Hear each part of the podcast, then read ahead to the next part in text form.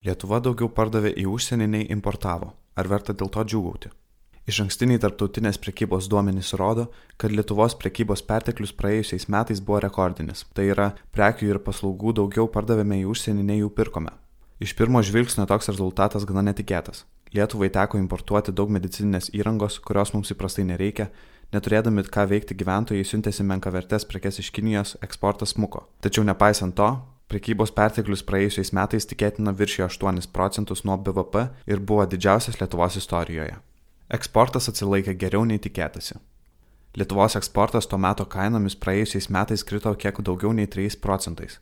Tačiau taip nutiko tik dėl per pusę įsitraukusio naftos produktų eksporto, kurį didžiąją dalimi nulėmė žemyn smigusios pasaulinės naftos kainos, o ne gamybos susitraukimas.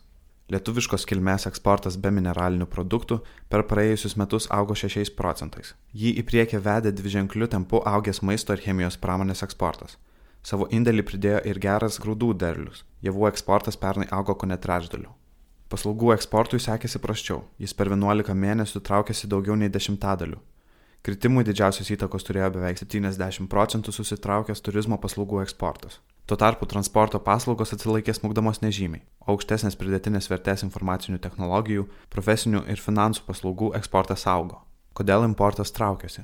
Prekių importas praėjusiais metais traukėsi daugiau nei 9 procentais. Importo kritimą iš esmės lėmė dvi prekių kategorijos - naftos produktai ir transporto priemonės, kurie krito atitinkamai 45 ir 17 procentų. Likusių pagrindinių prekių kategorijų importo srautai reikšmingai nesikeitė.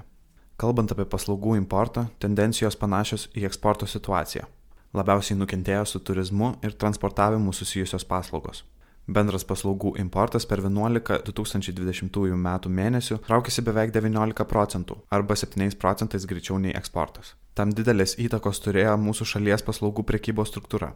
Lietuva labiau specializuojasi krovinių vežime keliais, kuris nukentėjo nesmarkiai, o kelionių paslaugų srityje remiasi užsienio tikėjais, kurie nukentėjo labiausiai. Prie nominalaus prekybos pertekliaus stipriai prisidėjo ir kritusios energijos produktų kainos. Dėl stipriai kritusios paklausos nafta praėjusiais metais buvo vidutiniškai 32 procentais pigesnė, bet to apie 20 procentų krito ir elektros bei dujų kainos.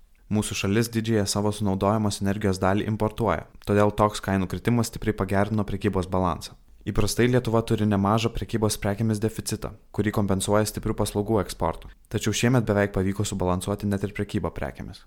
Kas prekybos laukia ateityje? Prekybos balansas yra vidaus paklausos dinamikos atspindys arba kitaip tariant tai yra skirtumas tarp taupimo ir investicijų. Didelis prekybos deficitas signalizuoja apie ekonomikos perkaitimą ir vidaus paklausą, kurie viršė galimybės gaminti.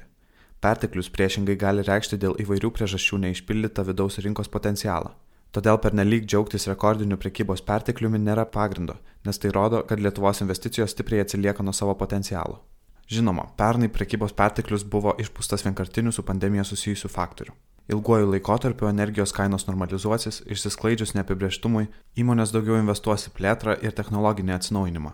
Be to, Europos atsigavimo fondas taip pat paspartins viešasias investicijas vidutiniu laikotarpiu. Artimiausius keliarius metus importas tikėtina auks sparčiau ir Lietuvos prekyba artės balanso link. Mobilumo paketo įtaka. Transporto paslaugų eksportas yra vienas iš pagrindinių prekybos perteklių šaltinių, o mobilumo paketo nuostatos ateityje gali pakengti vežėjų konkurencingumui. Reaguodamas į tai dalis įmonių steigia filialus Lenkijoje ir kitose šalise ir tai gali neigiamai paveikti Lietuvos prekybos balansą. Visgi reikia pastebėti, kad būsimas efektas gali būti mažesnis nei baiminamasi. Vežėjai vis dar samdo vairuotojus Lietuvoje ir tai rodo norą vykdyti veiklą iš Lietuvos. Be to, pati kontroversiškiausia mobilumo paketo nuostata - reikalavimas kas kelias savaitės vilkikams grįžti namo - yra ginčiama teisme ir gali neįsigalioti, nes yra sunkiai suderinama su ES tikslais mažinti šiltnamio dujų emisijas. Praėjusių metų prekybos rezultatas yra pandemijos sukelta anomalija, kuri greitų metų nepasikartos. Tačiau žiūrint į pastarųjų keliarių metų tendencijas aiškėja du dalykai.